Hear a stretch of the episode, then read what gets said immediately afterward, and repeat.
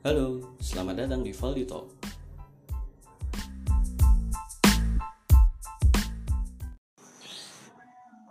Halo teman-teman, selamat malam.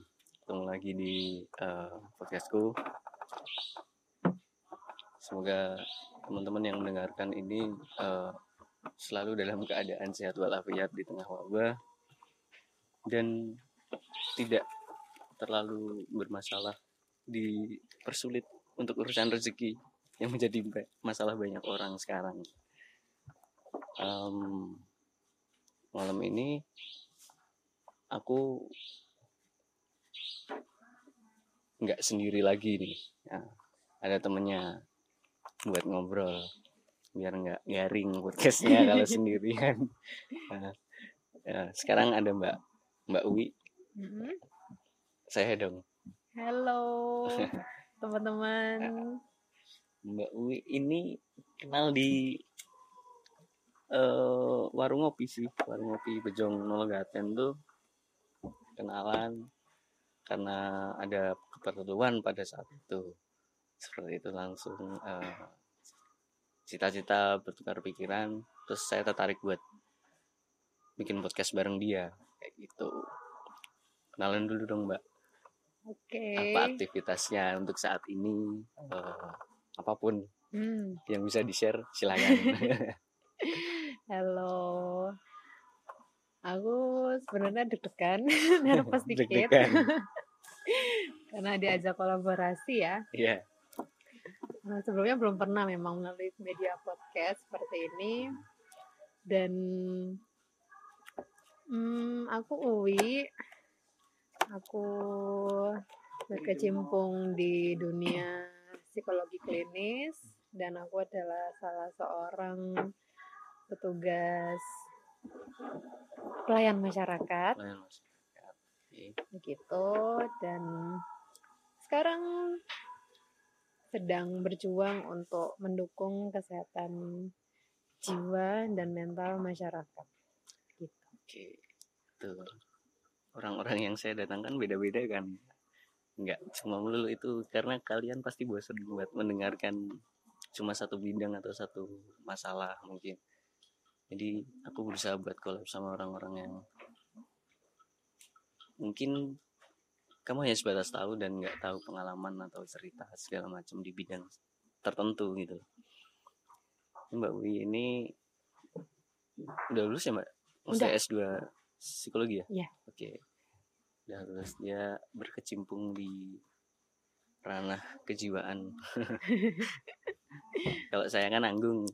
Kuliah nggak pernah berangkat psikologi juga sih.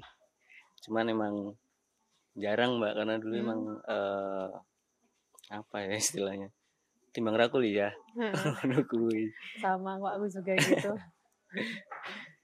Uh, jadi gini mbak uh, ini langsung aja sih hmm? takut apa kelamaan kan apa namanya di tengah wabah kayak gini sih uh, maksudnya aku beberapa kali nemuin artikel nemuin artikel yang menyatakan bahwa ada kemungkinan yang cukup tinggi hmm. ketika diberlakukan peraturan-peraturan seperti work from home atau beberapa orang beberapa karyawan bahkan sampai ada yang di PHK hmm. karena uh, COVID-19 itu mereka kemungkinan uh, bisa kena semacam depresi mungkin hmm. kayak gitu uh, mbak sendiri yang uh, mbak Wi sendiri yang berkecimpung langsung nih untuk masalah itu gimana nih tanggapannya tentang artikel-artikel yang semacam itu ya memang kita secara global menghadapi situasi yang abnormal seperti mm -hmm. sekarang okay. dan itu sangat wajar dan tentu ada risiko-risiko tentang masalah kejiwaan. Yeah. Bisa depresi, bisa cemas, mm -hmm. dan bisa juga PTSD, post traumatic stress, mm -hmm. Stress disorder seperti itu. Dan apa? Tentu kita juga punya faktor-faktor. Yeah. Faktor-faktor yang bisa menjadikan faktor-faktor yang uh, berkontribusi Kontribusi, dalam ya. dinamika terjadinya masalah kejiwaan itu Oke, begitu. iya. Karena apa? Karena kita uh, beradaptasi dengan situasi yang seperti sekarang Mhm. Yang sangat berubah 180 derajat Sahih. dari kehidupan Iya. kita sehari-hari begitu Iya, ya. parah. Dan kita sebagai masyarakat yang terdampak Heeh. seperti itu. Iya. Yang kehidupannya biasa pergi pagi, pulang sore, aktivitas kerja gitu kan, yang merupakan sumber makna hidup kita, bertemu dengan uh, orang-orang Orang-orang. lainnya, dan melakukan aktivitas yang kita sukai lah. Nah sekarang kita perlu beradaptasi, terus mencari cara-cara yang uh, sesuai Mhm. dengan aturan seperti sekarang. Oke.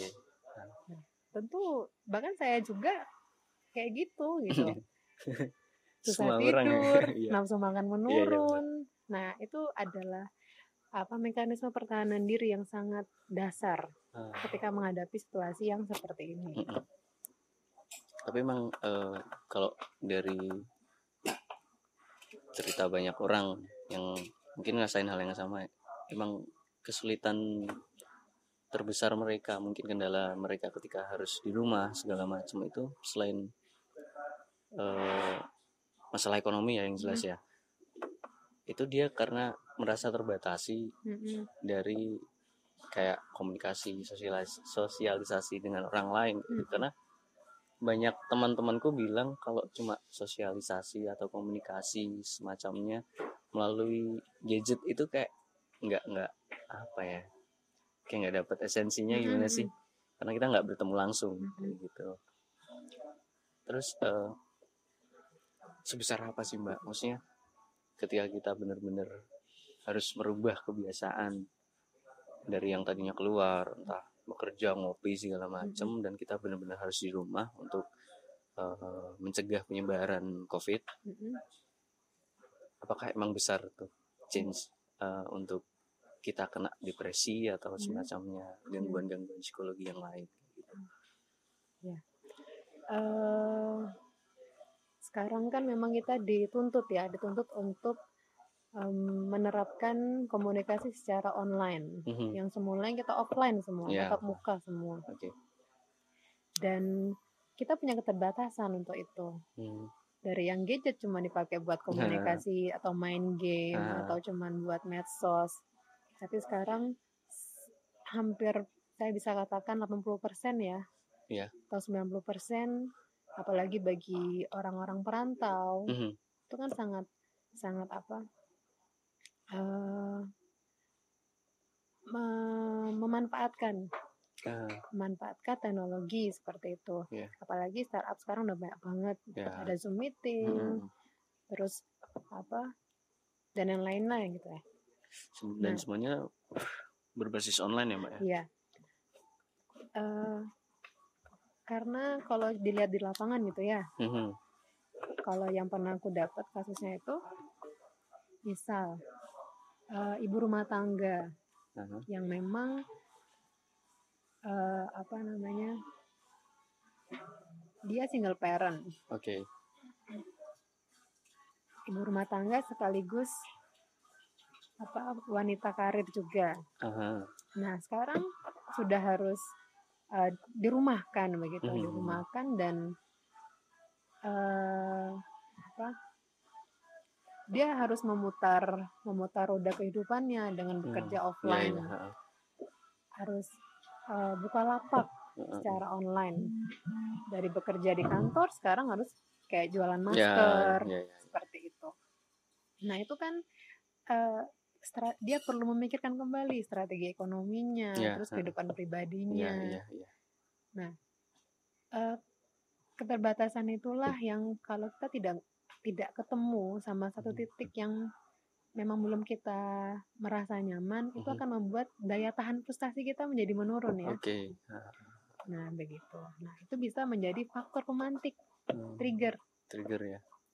Buat kemungkinan-kemungkinan itu Ah, nyerang iya. kita. Oke. dan itu mempengaruhi daya tahan tubuh kita juga terus Hmm. dari orientasi pikiran kita pikiran juga ha. Berarti auto tingkat stresnya juga pasti langsung meningkat Hmm, juga. Iya, karena memang apa eh, kalau dilihat di depresi itu kan hormon kortisol ya. Ah. Hormon kortisol dalam diri apa dalam otak itu sangat wah sangat tinggi lah. Mhm. Nah, dan itu berkepanjangan. Oke. Kita kita sedang berjuang dari ketidakkepastian loh sekarang. Iya, iya. ha. Nggak ada yang pasti. Sampai kapan? Mhm. Dan hidup selalu berjalan, terus Iya. berjalan. Ada kelelahan-kelelahan itu Ah. Yang membuat kita menjadi mengembangkan, membuat kita kalau tidak pandai-pandai mengatur eh, rak-rak pikiran kita, Iya. ke-stuck. Jadilah apa episode depresi di situ. Hmm, cukup meng- mengkhawatirkan juga ya buat orang-orang yang maksudnya eh, banyak juga kan orang yang tidak terlalu mungkin literasi atau eh, kurang-kurang pengetahuan tentang masalah-masalah psikis kayak gini. Dan ya emang bener sih maksudnya eh, apa ya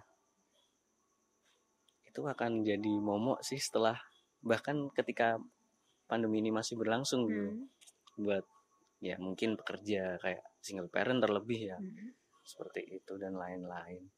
Tapi sebenarnya banyak banyak sih. Aku eh, banyak tanya-tanya ke orang teman-teman gitu.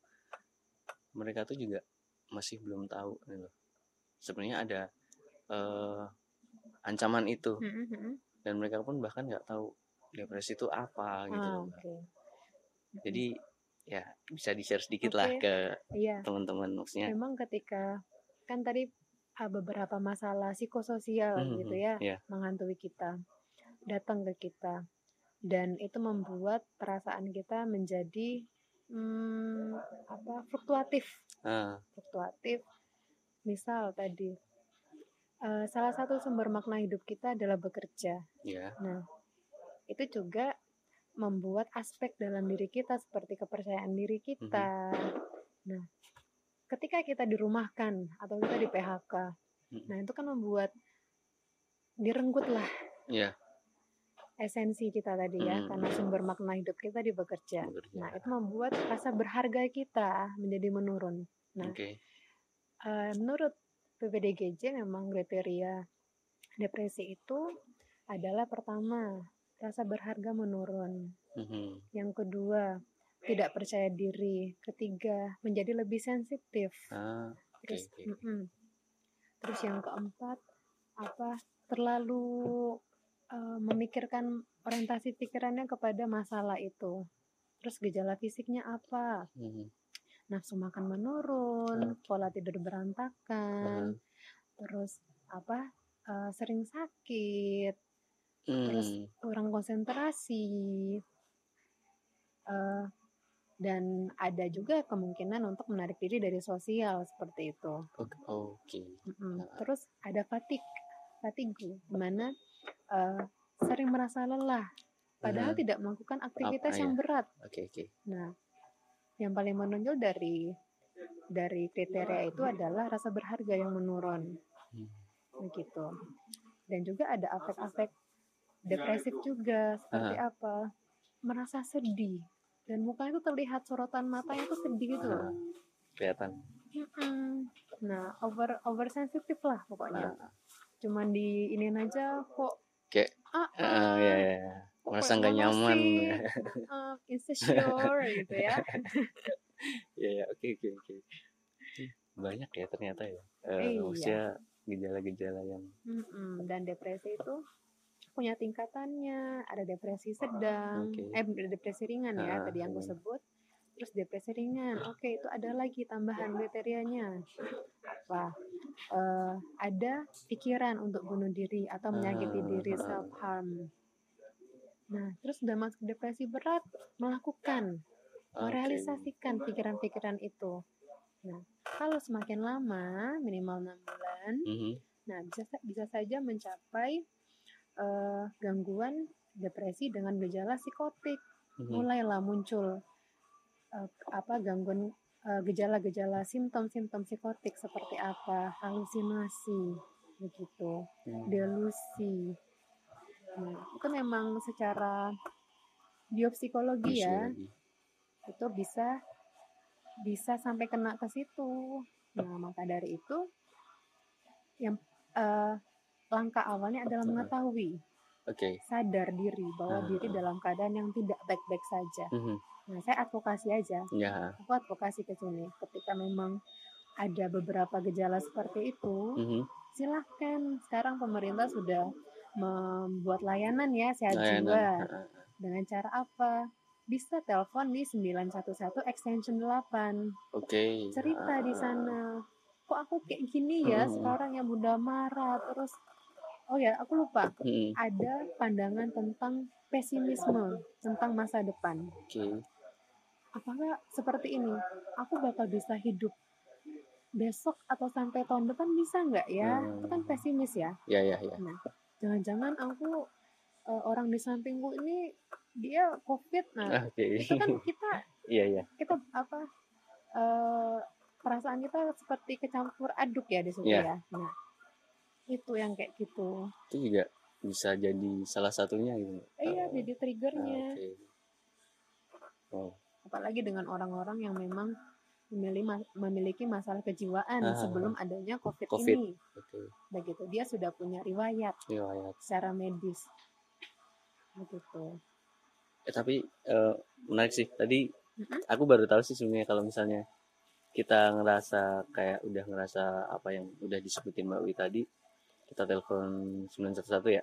Ya. Itu nanti extension ke 8 itu misalnya nih, misalnya, misalnya aku telepon, Mm-mm, eh, aku cerita, aku share. mm-mm, Itu nanti ketika mungkin menurut eh, mereka kita ada arah ke sana, mm-mm. itu nanti diarahkannya ke mana sih untuk Mm-mm. kita buat eh, menindak menindaklanjuti Mm-mm. itu gitu loh. Eh, iya.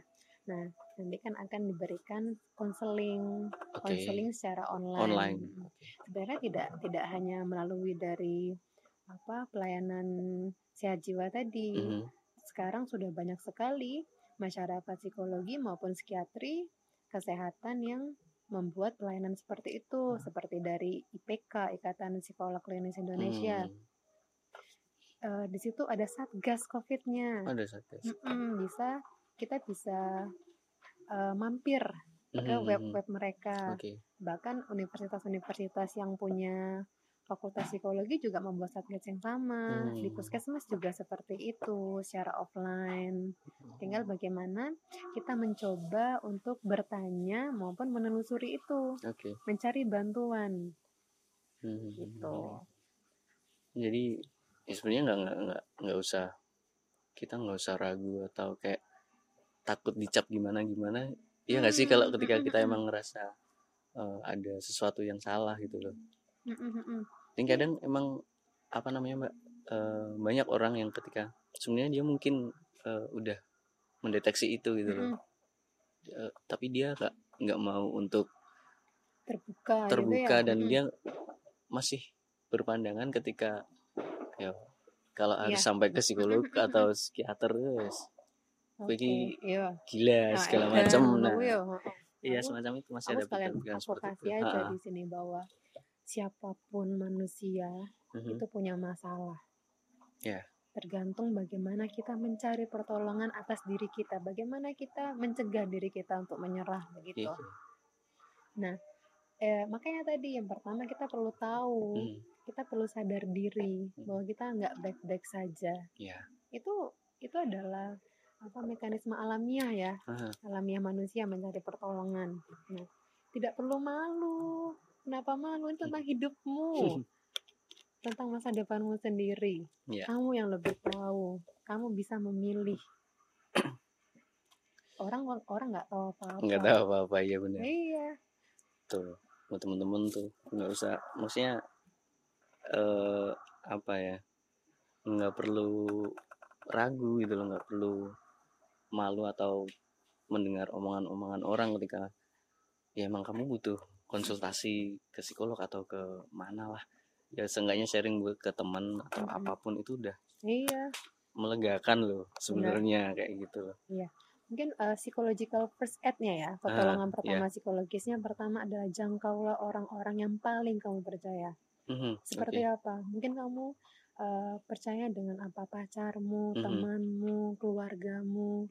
Sampaikan aku kayak gini loh aku sering deg-degan khawatir aku sering apa uh, beseran itu salah hmm. satu oh, gitu. gejala-gejala psikosomatis di situ oh. cemas terus mah terus nggak sariawan terus sebulan sariawan uh -huh. itu adalah salah satu respon fisik kita loh Waduh. akan keadaan psikis kita aku kerap sariawan nih mbak wih kurang banyak putih oh, kurang banyu putih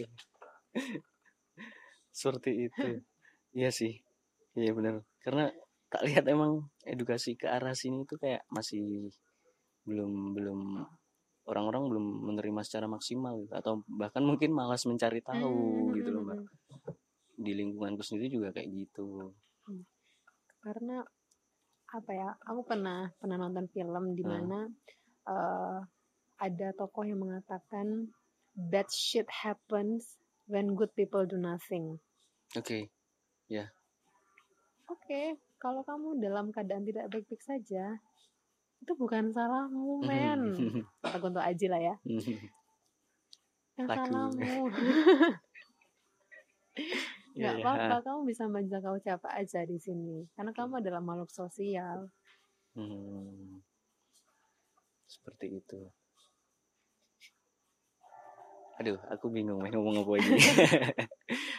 Terus kan uh, mbak Winnie kan maksudnya berkecimpung langsung ke ranah itu ke masalah kesehatan jiwa lah ya. Mm-hmm.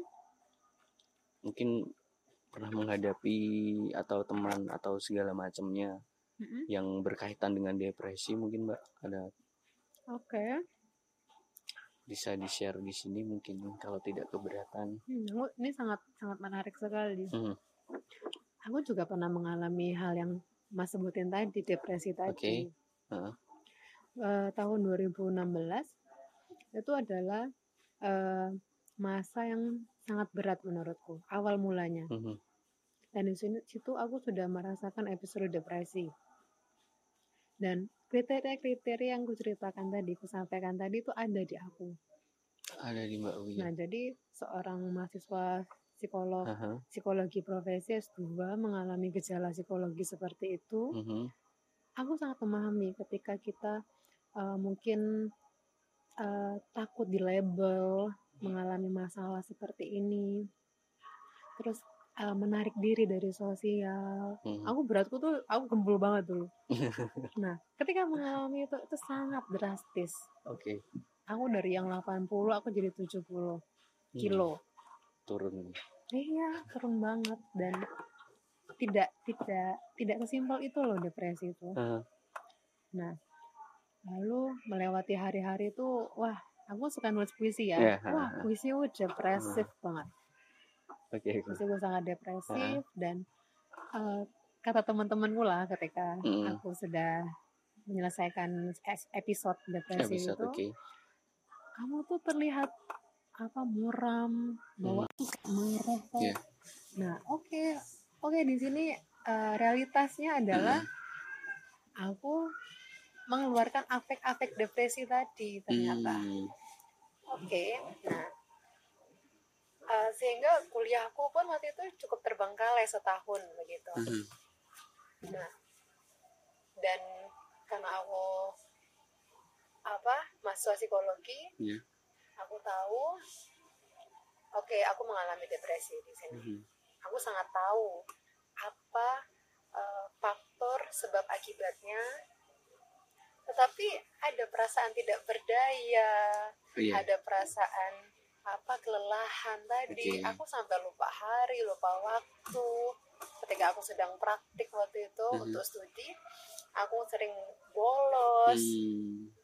terus aku bisa nggak masuk dua hari karena aku lupa hari itu hari apa okay. dan aku mencari pertolongan uh-huh.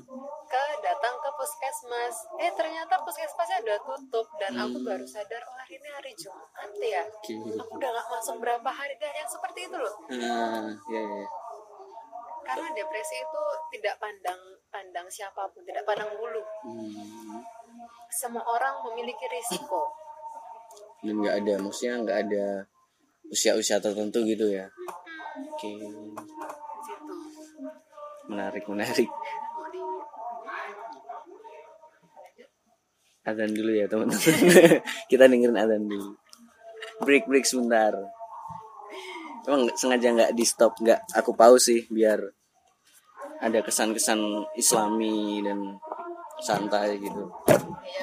Ini apa sudah wilayah Jogja memasuki waktu sholat isya dan teraweh gitu nih.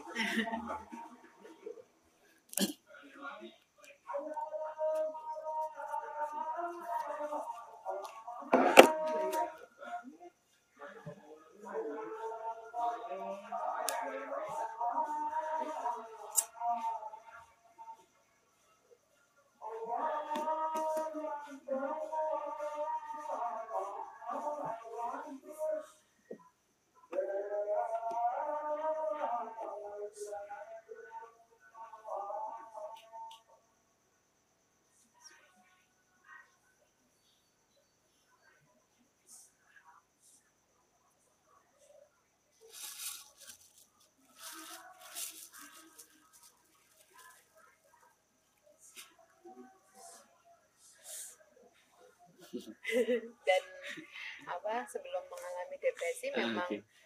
aku mau sharing juga. Ah, aku terbuka aku aku open dengan pengalaman yang memang ada dalam hidupku tentang masalah kejiwaan ini. Aku dulu mengalami bulimia selama dua tahun. Ketika aku masih sekolah S1 dulu. Jadi aku sering Hmm. memuntahkan makanan mhm. itu dengan bantuan tanganku aku masukin ke Oke, mulut terus hmm. aku korek tenggorokanku dan aku muntah Hmm. di situ itu adalah eh, caraku untuk menurunkan tension Hmm. tegangan yang ada dalam diriku Oke. nah ketika aku depresi itu di tahun apa beberapa tahun setelah itu aku melakukan hal yang sama seperti itu dan apa eh, memang berat memang berat. Dan apa aku eh, depresi dengan gejala sedang. Mhm, oke. gimana ada pikiran-pikiran bunuh diri di situ. Ah, dan aku yang kan ingin merealisasikannya. Hmm, tetapi Tuhan punya cara-caranya sendiri. Ah. untuk apa mengusap dada bagi kalian yang memang terpojokkan oleh rasa bersalah. Gitu. Itu bertepatan dengan sehari sebelum aku ulang tahun. Oke. ada pikiran pesimis di dalam pikiranku. Wah ketoknya di umur 23 besok aku masuk orang keren nih ketoknya biar semua orang tahu betapa aku sangat menderita dengan kehidupan ini. Tetapi aku udah ngeliat tuh kan aku kosnya di kamar mandi dalam ya. Hmm, aku udah ngeliat ventilasinya kayaknya kuat nggak ya buat hmm. menopang tubuh yang Hmm. terbebani oleh masalah ini Hmm, tapi aku tersadarkan Iya. oke aku harus mencari bantuan. Aku datang ke kampus dalam keadaan belum mandi belum gosok gigi aku langsung pakai baju Hmm. pakai sandal jepit aku pergi ke ruangan dosenku dosen yang sangat dekat sama aku. Ibu saya disudutkan oleh Oke. pikiran untuk mengakhiri hidup. Apa yang harus saya lakukan? Udah udah nggak mikir-mikir lagi tuh hmm. Oke, tenang. Nah, itulah yang aku katakan tadi, Iya, iya. psychological first aid, pertolongan pertama. Tenang, tarik nafasmu. Ceritakan secara perlahan. Oke. Oke, mulai aku katarsis di situ. Aku meluapkan Ah, oke. dan aku sangat memahami orang-orang yang memang apa merasa berat dadanya Hmm, Iya. untuk untuk melanjutkan hidup yang Iya, iya. penuh dinamika Iya, gitu ya, liku-liku. Enggak medun. Oke, oke. Ya, tapi mbak, mbak Wi emang beneran sampai berpikir wah syukuran kayak ini Iya, itu nggak cuma sekali doang ketika naik motor gitu kan. Piye yo iki nek motornya iki tak tabrakin wae. Nah, itu pikiran untuk menyakiti diri sendiri tadi. oke Karena ada perasaan tidak Iya. berharga. Ah, Aku ngopo? Urip koyo ngene. hmm, Aku makan juga nggak kerasa. hmm, Untuk apa makan? Nah, kita terbelenggu pikiran-pikiran kita yang tidak sehat tadi ya. Sehingga ketika uh, alhamdulillah aku merasa sangat sehat ya Mm-mm. sekarang ternyata perjalanan itu perjalanan itu membuat aku menjadi lebih kuat Oke. Ketika aku menemui orang-orang Iya. yang mengalami sin yang sama aku bisa memahami. Hmm. muncul empati di situ. Iya, iya. iya memang tidak mudah tetapi bisa. Cegah dirimu untuk menyerah. Cegah dirimu untuk menyerah. Itu. Mhm. dan ketika depresi kemarin juga aku membuat prinsip. Oke kalau kamu dalam keadaan tidak baik-baik saja setidaknya kamu produktif aku oke. perlu memaksa diriku Hmm. aku buat buku terus aku pergi ke kan ada ada ada apa gejala menarik diri dari Iya, sosial iya. pernah tuh waktu ke Bejong seminggu aku nggak ke sana benar-benar rasa yang males, Males. lelah Berarti Terus- emang ada kayak apa ya? Perasaan malas berinteraksi sama orang lain gitu ya. iya karena kita self oriented Mhm, Iya. kita hanya berfokus sama masalah dalam hidup kita nah Oke. ketika apa ada campur tangan Tuhan seperti itu. Mhm. aku mulai eh, pergi ke warung kopi. Itu pun aku insecure sebenarnya. Aku mulai mual. Takut orang melihat aku kayak apa. Ah, nah. Dan eh, 2017 waktu itu awal mula aku ke Bencong ternyata itu menjadi angin baru. Oke. Oh itu ternyata hanya pikiran irasional lo ya Mhm. itu hanya eh, apa belief sistemku ya yang memang tidak tepat tidak sesuai nah kan memang untuk mengetahui adanya putih kita perlu melihat hitam dulu Iya, ya iya benar. nah Iya benar. itu kayak gitu Hmm. Tapi sebenarnya nggak nggak apa namanya eh tidak tidak menyangka memang memang separah itu gitu ya kayak apa yang dirasain karena ya nggak tahu sih karena emang mungkin jarang terekspos juga nggak sih masalah-masalah kayak gini gitu. Iya. jarang-jarang eh, orang pun kalau pengen nge-share juga mikir. Ya kan takut ya orang lain mungkin judgement kasih judgement yang aneh-aneh segala macam kayak gitu. Jadi ya memang pengetahuan dan cerita-cerita kayak gini sih kalau buat aku pribadi kurang gitu. Mm-mm. jadi pengetahuan atau mungkin ketika aku ngerasain kayak gitu cara aku harus gimana pun aku bingung bakal bingung gitu loh. Dan mungkin banyak teman-teman juga yang kayak gitu. Nah makanya aku advokasi juga. Ah, ketika memang temanmu atau orang di sekitarmu kamu perlu looking for our corner. Bagaimana sekelilingmu ketika mereka dalam keadaan yang apa ya tidak baik-baik saja saja. kita kan punya sensitivitas ya. Iya iya. Nah kamu tidak perlu menyampaikan kok kowe ngene sih? Kok kamu kayak gini sih? Hmm, hmm, enggak. hmm, shut up. Hmm. tutup mulutmu. Kamu bisa menyampaikan yang lain kok tanya yang lain? Apa yang bisa aku bantu? Hmm, kamu sedang gelisah ya. Iya. nah itu yang kurasakan ketika aku kuliah apa profesi psikolog psikologi. Aku takut diberi judgement Hmm, oleh orang-orang di psikologi sendiri. Iya.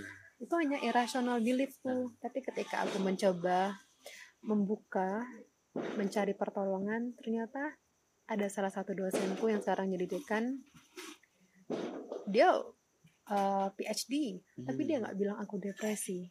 Oke. Dia bilang apa kamu sedang disorientasi hal kekhalifaan katanya wah itu itu lebih ringan Hmm, dari sekedar apa uh, judgement kamu depresi tadi kalau enggak kamu lagi nggak baik-baik aja ya hmm. nah itu kan itu kan adalah empati Iya. sehingga kita bisa lebih terbuka sama Iya. orang itu gitu. penerimanya kayak juga lebih Mm-mm, penerimaannya iya, iya, lebih benar-benar. lebih ringan iya iya dan dan langkah kita pun untuk lebih apa menolong diri kita pun aksesnya jadi lebih besar Mhm. peluang itu jadi lebih Iya, besar kayak gitu Hmm, kalau dari apa namanya pengalamannya Mbak tadi dalam jangka waktu yang lama nggak sih Mbak ketika merasakan periode itu gitu? Hmm. Kalau aku itu uh, sejak awal aku S2 begitu ya hmm. memang aku merasa uh, itu transisi kehidupan memang hmm. menurut penelitian perempuan itu lebih rentan untuk mengalami depresi daripada laki-laki okay.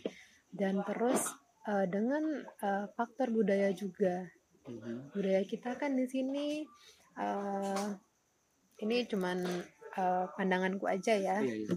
di mana uh, lebih mudah untuk men judgment, mengintervensi, yeah, yeah, sehingga itu menahan langkah kita untuk berjuang lebih keras mm-hmm. atas isu-isu kesehatan mental. Okay. Nah, maka dari itu uh, lakukanlah apa yang menurutmu tepat untuk kamu mm-hmm. dengan uh, range-range yang memang rasional. Oke. Okay. Oke, okay, mungkin uh, kita punya indigenous psychology mm-hmm, gitu ya. Yeah misalnya apa hmm, misalnya dengan arisan kayak atau apa iya. kumpul-kumpul keluarga atau okay. yo kok neng becong yo, hmm. arisan ono kayak gitu kan aku lagi ya oh dulu mas awang biasanya ya nah oke okay. uh, itu aku yakin itu adalah salah satu yang memang salah satu momen yang diciptakan oleh Tuhan untuk menjangkau kamu-kamu yang punya keterbatasan di situ. Iya. Nah, sekarang adalah pilihanmu. Apa apa saja sih yang bisa kamu jangkau dan mm -hmm. apa saja yang bisa menjangkau kamu? Optimalkan, setidaknya mulailah. Yeah. Aku juga sering jalan kaki, Mas. Oh, gitu. Karena kan memang uh, uh, pas depresi itu aku karena aku buat buku gitu kan yeah. aku jadi semakin tahu oh ternyata seperti ini ya mm-hmm. aku ingin menjadi lebih rasional okay. aku mulai baca-baca artikel jurnal oh, dari schooler gitu ya nah dari schooler tapi aku bacanya oh salah satunya dengan berolahraga. Karena hmm. hormon kortisol itu kan membanjiri otak kita. Iya, iya, nah iya, ketika kita berjalan olahraga itu ada hormon oksitosin dan serotonin yang mampu untuk menurunkan uh, hormon kortisol tadi. Hmm, meskipun aku masih malas makan waktu itu ya. aku olahraga aku pakai headset. Hmm. meskipun ada pikiran ini aku nyebrang nih tiba-tiba ditabrak ya boleh juga nih. Tapi setidaknya aku mencoba itu dan ternyata itu irasional. Itu cuma kekhawatiranku saja. Menarik. Menarik sekali. Uh, apa ya? Banyak sebenarnya pengen uh, tanya kayak gitu. Maksudnya tapi bener sih uh, kalau aku pribadi ya uh, lebih dulu itu sebelum sebelum aku sering ke Bejong kayak gitu aku lebih seneng ngopi nongkrong kayak gitu sendirian. Ya tempat yang benar-benar sepi gitu. Karena waktu itu sih emang kayak males males sih males males ditekoni uang. Hmm. apa walaupun itu teman dekat segala macam kadang kayak piye gini gini gini. Kadang ada pertanyaan pertanyaan pertanyaan dari orang yang ya aku nggak nyalain orang itu cuman mm -hmm. bikin aku jadi koyo rambut gitu. Mm -hmm. dan tapi kan itu nggak bisa kita kontrol kan mm -hmm. kayak gitu. Jadi aku lebih memilih buat menghindari tempat-tempat yang mm banyak interaksi. Mm tapi kok ya lama-lama kok aneh gitu loh rasanya. Kayak kok sepi juga sih. Terus akhirnya uh, cari tempat yang agak rame agak rame. Ya ketemu tempat itu. Ya ketemu uh, bejong di sana. Ternyata ada teman-teman yang aku kenal hmm. nongkrong di sana. Terus mulai banyak interaksi lagi dan malah sekarang kalau harus ngopi sendiri juga males malah sekarang. Udah keenakan buat ketemu hmm. sharing kayak gitu cerita-cerita ngobrolin apa aja sih hmm. sebenarnya. Itu jadi lebih nyaman kalau sekarang. Karena aku sangat aku juga uh, sangat yakin bahwa setiap orang yang gue jumpai mm-hmm. itu akan membawa obat untuk aku ketika aku okay. depresi okay, okay. entah itu cuman bercandaan receh mm-hmm. itu obat juga yeah, yeah, itu bisa meningkatkan hormon-hormon yang positif meskipun sampai rumah aku dalam keadaan hampa apa setidaknya aku selamat dalam waktu cuman satu jam nongkrong tidaknya aku tidak berpikir pikiranku tidak berorientasi pada hal-hal yang tidak baik kayak gitu. Walaupun ketika nanti sendiri nanti balik ke situ lagi gitu ya. Oke itu ada yang anu nggak sih mbak? Uh, treatment yang lebih gitu misalnya. Kayak apa sih? Kan tadi kalau uh, mbak bilang cerita konsul ke dosen kayak gitu atau ada maksudnya treatment lain selain itu okay. kayak gitu ya memang yang pertama itu dari diri kita dulu kita okay. perlu tilik diri mm-hmm. tilik diri bahwa kita memang dalam keadaan tidak baik-baik saja Okay. Karena kita punya defense ya, yeah, yeah. defense dan itu juga tergantung dari kultural kita juga. Mm. Nah, udah setelah itu bisa kok dengan profesional atau tidak, karena uh, semua orang bisa menjadi psikolog begitu, mm, mm. apalagi di Indonesia yeah, gitu yeah. kan. Semua orang bisa cerita apa aja, berbeda dengan uh, orang yang dari uh, negara barat yang lebih individual, okay. berbeda. Kalau kita kan enggak, kita tuh kayak apa? uh, aneh dikit teman-teman kita tuh udah care banget kan. Kau ngopo ya? Cok ono kan? Langsung oh, nah. Gercep iya. Nah kita bisa kok memilih siapa saja sih orang-orang yang kita percayai mm-hmm. di situ. Nah uh, ini merujuk pada salah satu uh, paradigma dalam psikologi yaitu kognitif behavioral. Nah, ada namanya CBT, Cognitive Behavioral Therapy di mana adanya distorsi kognitif di situ, hmm. ada pikiran irrational belief. Nah, nah adanya uh, melakukan CBT tadi itu untuk beralih dari irrational belief menjadi rational belief. Okay. Nah, kalau aku dulu, aku sudah punya pandangan nih ketika temanku apa aku merasa aku kayaknya mukaku afekku kayaknya hmm. marah terus hmm. terus muram terus nah hmm. aku tuh biasanya ke ini loh WC di Bejong aku lihat muka aku nah itu tuh posting realita oh, gitu.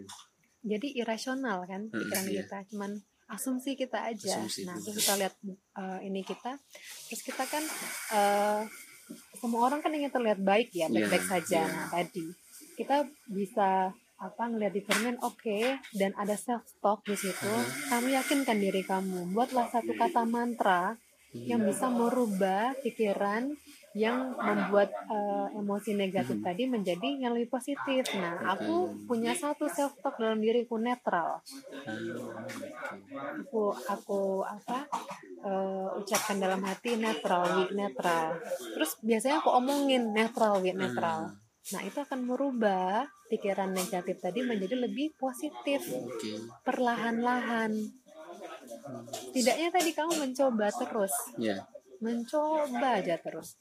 Terus aku juga membuat uh, ketika aku datang ke psikiater waktu itu uh, psikiaterku kan waktu itu lagi lagi ini ya lagi apa uh, sedang dilema dengan studi gitu kan mm -hmm. okay. aku orang rampung-rampung yeah. gitu ya dan aku saja ketika konsultasi sama psikiater aku nggak bilang aku mahasiswa psikologi gitu kan nanti aku bakal dicap apa yeah, yeah, gitu yeah. tapi psikiaterku cuma bilang apa coba dibuat lembar pencapaian Pencapaian, oke. Okay. Dan aku tuh sempat mem memaknainya pencapaian ki sangat sederhana loh, uh -uh. bukan target pencapaian. Pencapaian ya. Tulislah pencapaian-pencapaian kamu setiap hari. Uh mhm. -huh. Misal apa? Kamu lagi pusing tesis, coba dibuat dari pertama A judul, uh mhm. -huh. B latar belakang. Yeah. Kamu buat kolom-kolom, terus kamu buat checklist. Okay. Nah, ketika kamu sudah melakukan itu, kamu akan puas akan hal sederhana yang sudah kamu lakukan. Nah, itu akan mengembangkan perasaan positif. Hmm. Karena kan ketika kita lagi lagi dalam dirundung apa emosi negatif itu kan uh, otak kita itu penuh dengan pikiran abstrak. Yeah. Dan otak okay, itu yeah. sulit untuk mencerna hal-hal yang abstrak. Okay. Ketika kita tuliskan, itu akan hmm. lebih konkret sehingga ya. kita tahu apa sih yang harus kita lakukan. Mhm. nah jadi tidak ada rasa bersalah di situ. Kamu nggak ngapa-ngapain. Meskipun cuma judul. Nah, dan itu berhasil sampai lampiran. Mhm. profesi psikologi itu tujuh laporan. Itu sih laporan profesi. Ya. dan aku melakukan itu di setiap laporanmu oke itu lembar cek itu sangat Iya, sangat bermanfaat untukku dan ketika aku bertemu dengan teman-teman atau orang-orang yang memiliki masalah yang mirip Mhm. aku menyarankan yang sama. Oke. Dan sampai sekarang aku buat di HP ku. Ah. Bahkan mau pengen makan mie ayam aja aku tulis. Oke. Itu membantuku untuk berpikir lebih konkret daripada yang abstrak. Kayak gitu. Orang-orang yang punya self journal kayak gitu kan kayak ada kan beberapa temanku yang dia nulis entah itu pencapaian entah itu hari ini mau ngapain aja sih itu sebenarnya pen- emang penting ya maksudnya eh, ada efek positifnya ya emang iya itu gitu. membuat tadi membuat apa eh, pikiran kita menjadi lebih konkret kita Hmm. berpikir rasional di situ konkret belief Hmm. padahal besok ngece ngapain Aku ngono ngono iki? kuwi. aduh aku merasa kowe cak iki banget toh yuk ben ngopo ternyata ada fungsinya ada Iya. manfaatnya ada fungsinya Oke oke menarik sekali. Terus eh, setelah eh, maksudnya setelah proses-proses panjang yang udah dijalani nih, udah dilalui segala macam, eh, dinyatakan sembuh itu dari mana sih kalau misalnya kita misalnya kena depresi nih misalnya, kita bisa dinyatakan sembuh itu indikasinya apa aja gitu mbak? itu dalam eh, PPDGC pedoman apa diagnosis gangguan jiwa kan eh, depresi ringan Heeh. itu kan setidaknya tiga kriteria harus terpenuhi. Nah, Oke. aku ketika aku sudah menjalani eh, berapa ratus hari Mhm. ketika depresi itu aku melihat wah eh, pertumbuhan diriku itu sudah eh, mengurangi kriteria itu secara perlahan. Oke. Nah, ketika lembar pencapaian tadi ya, Iya iya. Nah, aku merasa berharga karena Hmm. apa? Aku menyelesaikan tugasku sehingga aku menjadi kandidat psikolog waktu itu Oke. ketika sudah selesai. Nah, nah itu adalah perasaan berharga dan aku pesimis. Aku akan menyelesaikan Hmm. studi ini dan itu berpengaruh keadaan keadaan fisikku. Aku jadi Eh. mau makan lagi, terus jadi semangat olahraga. Iya. Jalan lah aku dari kosku tamsis tekan kene jalan kaki. Nah, aku lu- luwih sehat dan aku Iya. jadi banyak teman. Nah, itu yang seperti itu loh. Jadi kita bisa juga menilai diri kita. Mhm. Tidak berkuranglah afek-afek, mood-mood yang muram, yang sedih, Iya. berkepanjangan. Lebih energik. berarti ada kayak perubahan yang awalnya negatif nih segala macam pesimis tuh ada kayak kepuasan juga gitu kita udah ngelakuin ini nih ternyata kayak gitu oke Nah, itu tadi eh, apa gejala yang paling menonjol itu adalah dalam bukunya Nevid ya. Mhm. Itu ada rasa tidak berharga. Nah, Yang ketika kamu. Mm-mm. rasa tidak berharga itu akan mempengaruhi yang lainnya, aspek variabel-variabel lainnya. Mhm. Ketika kamu berharga di sini atas segala pencapaian kamu yang sederhana Mhm. sampai yang paling apa ram eh, paling sederhana sampai yang paling wow lah gitu. Ah, oke oke Itu kamu akan beranjak dari hal yang lebih besar dalam hidupmu untuk Mhm. menyiapkan masa depanmu sendiri. Sehingga orientasi kamu bukan tentang masalahnya lagi, tapi Oke. tentang solusi dan hal-hal besar lainnya. Oke. Jadi ya sih banyak banyak banyak teman-temanku juga sih eh, kalau misalnya cerita sharing itu dia ngerasa stuck karena rasa pesimis itu tadi gitu loh. Iya. Jadi itu yang bikin nggak maju-maju kalau Iya. dia. Aku tuh aku sebagai perempuan di sini Ah. kan, wah aku ora tahu make up Ah, oke. karena depresi itu nah, Ah. rawat jadi kurang rawat diri ya. iya. nggak mik apa jadi males lipstikan yang apanya apa, apa eh, bedakan yang lain nah ketika rasa berharga itu muncul aku jadi kembali untuk me- menata diriku Iya. nah apalagi ada dukungan sosial siapa oke mungkin kamu konflik sama keluargamu tapi kamu ada yang lain kan Ya, orang-orang ya. lainnya temanmu pasanganmu Ya. dan pasanganku mendukung waktu Hmm. itu oke dia menerima aku apa adanya oke mu- kamu mungkin sedang dalam keadaan tidak baik-baik saja Mhm. nah itu menjadi eh, tadi hormon oksitosin Ya. dan serotonin tadi bekerja energi positif banget ya. Tapi apa namanya? Eh, kan sempat ke apa namanya? Ke psikiater ya mbak? Mm-mm. di apa eh, mungkin ada tindakan medis nggak sih? Maksudnya kayak minum obat atau apa kayak gitu sih? Nah, ada. Waktu itu aku dapat obat dua. Heeh. diminum pagi sama malam sebelum tidur. Karena kan aku pola tidurku berantakan. Mhm. sering tidur pagi malam. Terus tuh nggak ngapa-ngapain memang. Mhm. main Oke. HP aja. Terus ngelamun daydreaming. Gitu tapi aku pernah panic attack malahan ketika aku depresi itu. Nah ketika kan ada obat malam tuh. Mhm. nah aku minum obat terus aku sholat isya. Mhm. nah ketika aku sholat tuh aku udah ngerasa sesek. Hmm. Nah, terus habis apa eh atayat akhir itu aku mulai yang bener-bener yang Mhm. yang benar-benar sesek gitu Iya, kan, iya, nah. akhirnya obat itu bekerja dan aku sambil zikir waktu itu dan aku tertidur.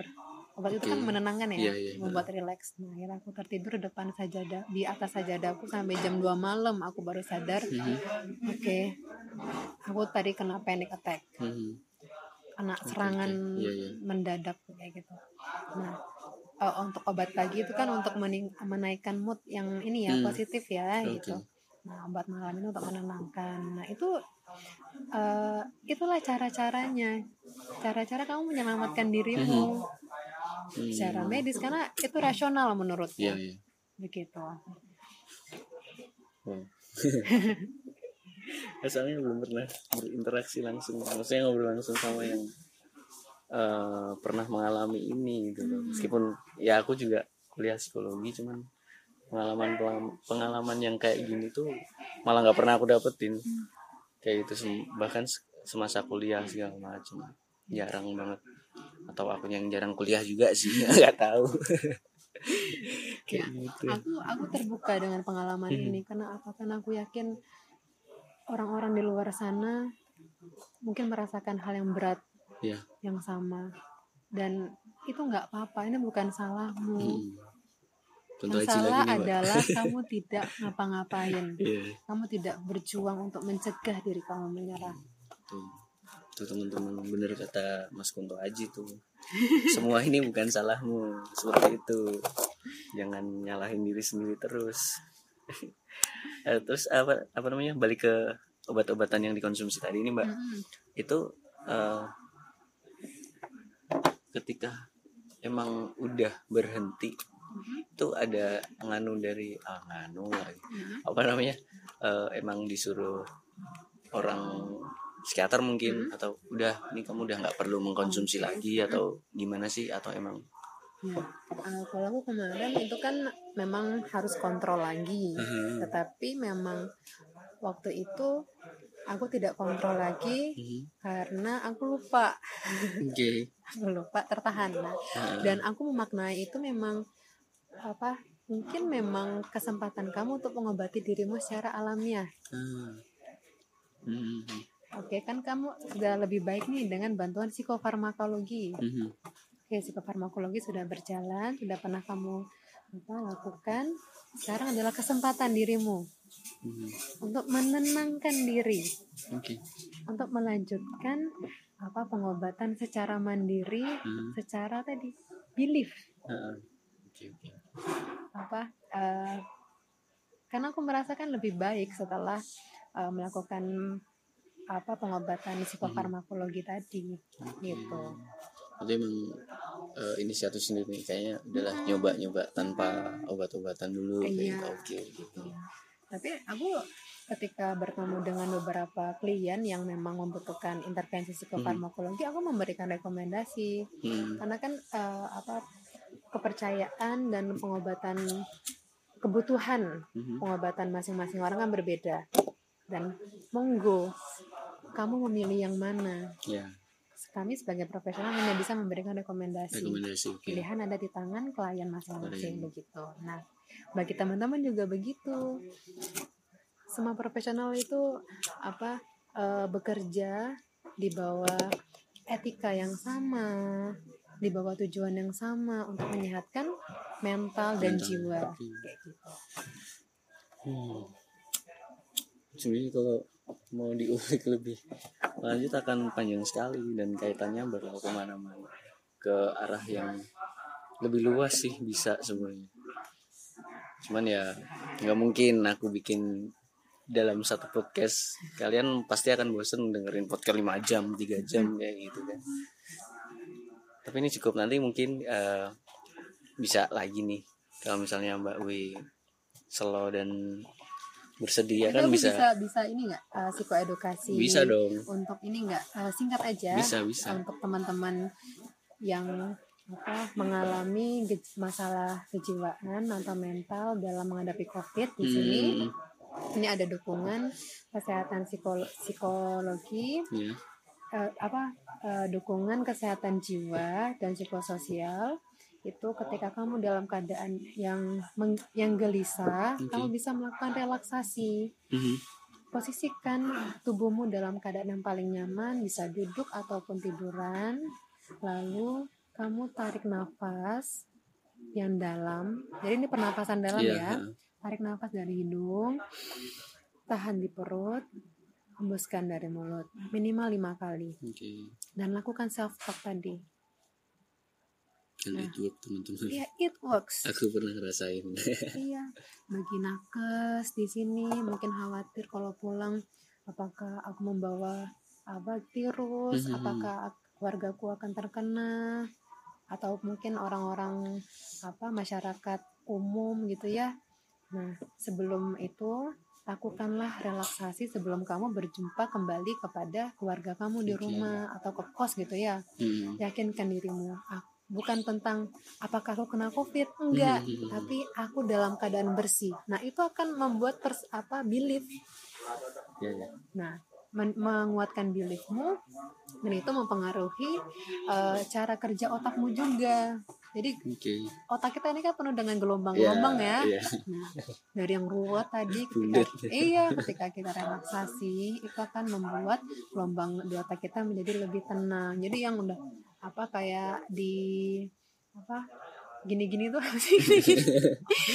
Ah, ruwet. Ya, Ah, iya, ya, ya. ruwet tadi jadi lebih datar, dia Oke, lebih iya, tenang iya. kayak gitu. Jadi Oke. bukan atau mungkin pas mau tes apa eh, COVID gitu ya. Ah, Nah, jadi bukan aku kena COVID apa enggak ya? hmm. Nah, jadi- uh, beliefnya diganti aku periksa itu biar aku nggak kena covid Ya, ya. nah jadi bukan aku yang kena covid aku Hmm. nggak kena covid kok nah itu belief itu tadi Ya, berarti kita harus eh, nyeting mindset kita Iya. buat yang positif positif nih teman-teman benar-benar daripada mikirin terlalu banyak hal negatif bikin kalian nggak apa ya mandek lah istilahnya wong Jawa ini iya misal apa bag- bagi para nakes gitu ya sebelum pulang ke rumah mungkin di tempat kerjanya Mhm. itu ada satu ruangan yang disiapkan atau di ruang kerjamu. Hmm. Nah, kamu lakukan relaksasi tadi, kamu yakinkan eh, aku dalam keadaan tidak membawa virus, aku dalam keadaan yang siap untuk berjumpa kembali dengan Hmm, keluargaku. oke Nah, lalu kita mela- melakukan protokol tadi ya, misal apa pulang Ya. mandi, bersih. Nah, kalau kita yakin tadi, nah ya udah kita akan kuat, imun tubuh kita Hmm. akan lebih kuat. Lebih kuat, gitu. oke. seperti itu teman-teman pesan dari Mbak Wi mengenai ini nggak terbatas nakes sih semua Iya, maksudnya orang-orang yang masih mau nggak mau harus keluar rumah ya kan kita ya kahanane kok yang ini kita harus tetap apa ya stay positif lah Ya, pikiran dan kita. batasi media Ah, ah. juga. iya benar Batasi media. Iya. Karena apa pun yang terjadi, kok- memang sekarang COVID sedang terjadi. Batasi media. Kamu nggak tahu pun nggak apa-apa. Kamu punya pilihan Iya, untuk benar. stop. Aku stop. Mm-mm. Aku mending nyari video-video goblik, ketawa, Ah, kayak gitu. buat hiburan Ah, gitu buat hiburan. itu kalau itu sesuai sih sama aku lupa musisi siapa itu pernah nge tweet atau dia konferensi pers atau apa gitu. Mending kamu tidak usah sama sekali tahu sesuatu tentang covid dari media. Hmm. kayak gitu. Daripada itu akan menjadi apa namanya hal yang buruk gitu loh. Maksudnya pikiran-pikiran yang kayak ketakutan segala macam yang berlebihan kayak gitu. Nah, mungkin di awal-awal mungkin awal-awal kita mulai apa ter, eh, Indonesia mulai Mhm. mera, apa munculnya pandemi ini kan kita panik semua. Iya. Nah, oke. Nah, sudah dua bulan nih kita kan beradaptasi kan. Nah, gitu. itu kita udah mulai paham. Ah. Selama kita mengetahui apa saja sih yang bisa eh, mencegah itu Mencegah, oke. apa PHBS, Hmm. misal pola hidup bersih dan sehat. Terus menceg apa membatasi ruang gerak sosial kita Hmm. dari yang offline sekarang kita bisa beralih ke online. Oke. Terus apa eh, ini mungun kesempatan ya bagi kata dosen tercintaku Bisa bercinta ya eh, virus itu kan adalah makhluk ciptaan Tuhan ya kata dia. Nah, di sini adalah masa yang sebelumnya mungkin kamu tidak pernah melakukan itu Hmm. karena kamu sibuk dengan keseharianmu. Nah, Iya. Sekarang kamu dalam keadaan sunyi di mana kamu bisa mengoptimalkan dan melakukan hal-hal yang belum pernah kamu lakukan sebelumnya. ya Dekat dengan keluarga atau mungkin kamu eh, jadi sering gardening Hmm. atau apa. Mungkin sulit di awalnya, tapi bisa. Iya.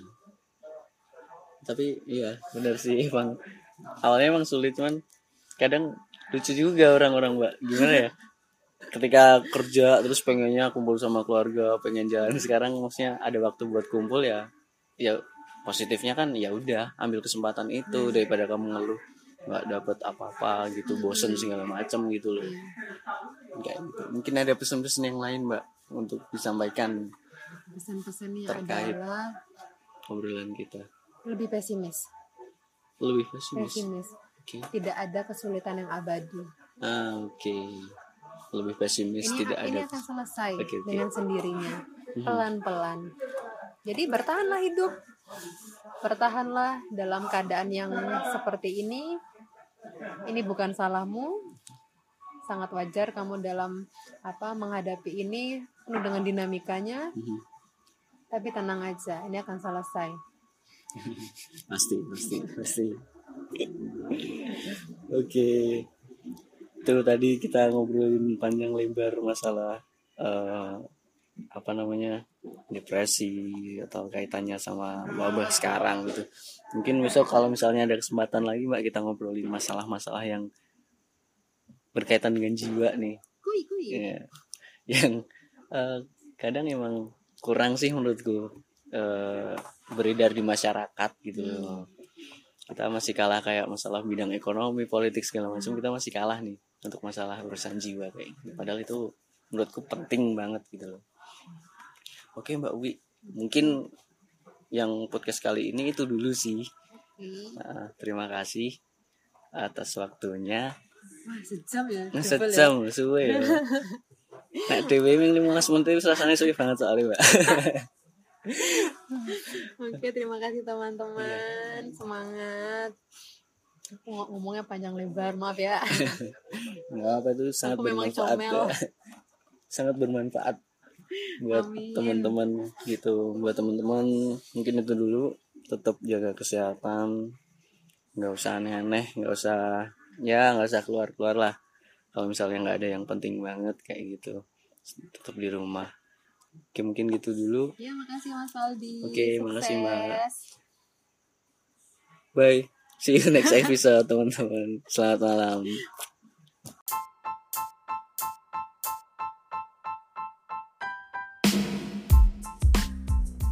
Terima kasih sudah mendengarkan podcast ini.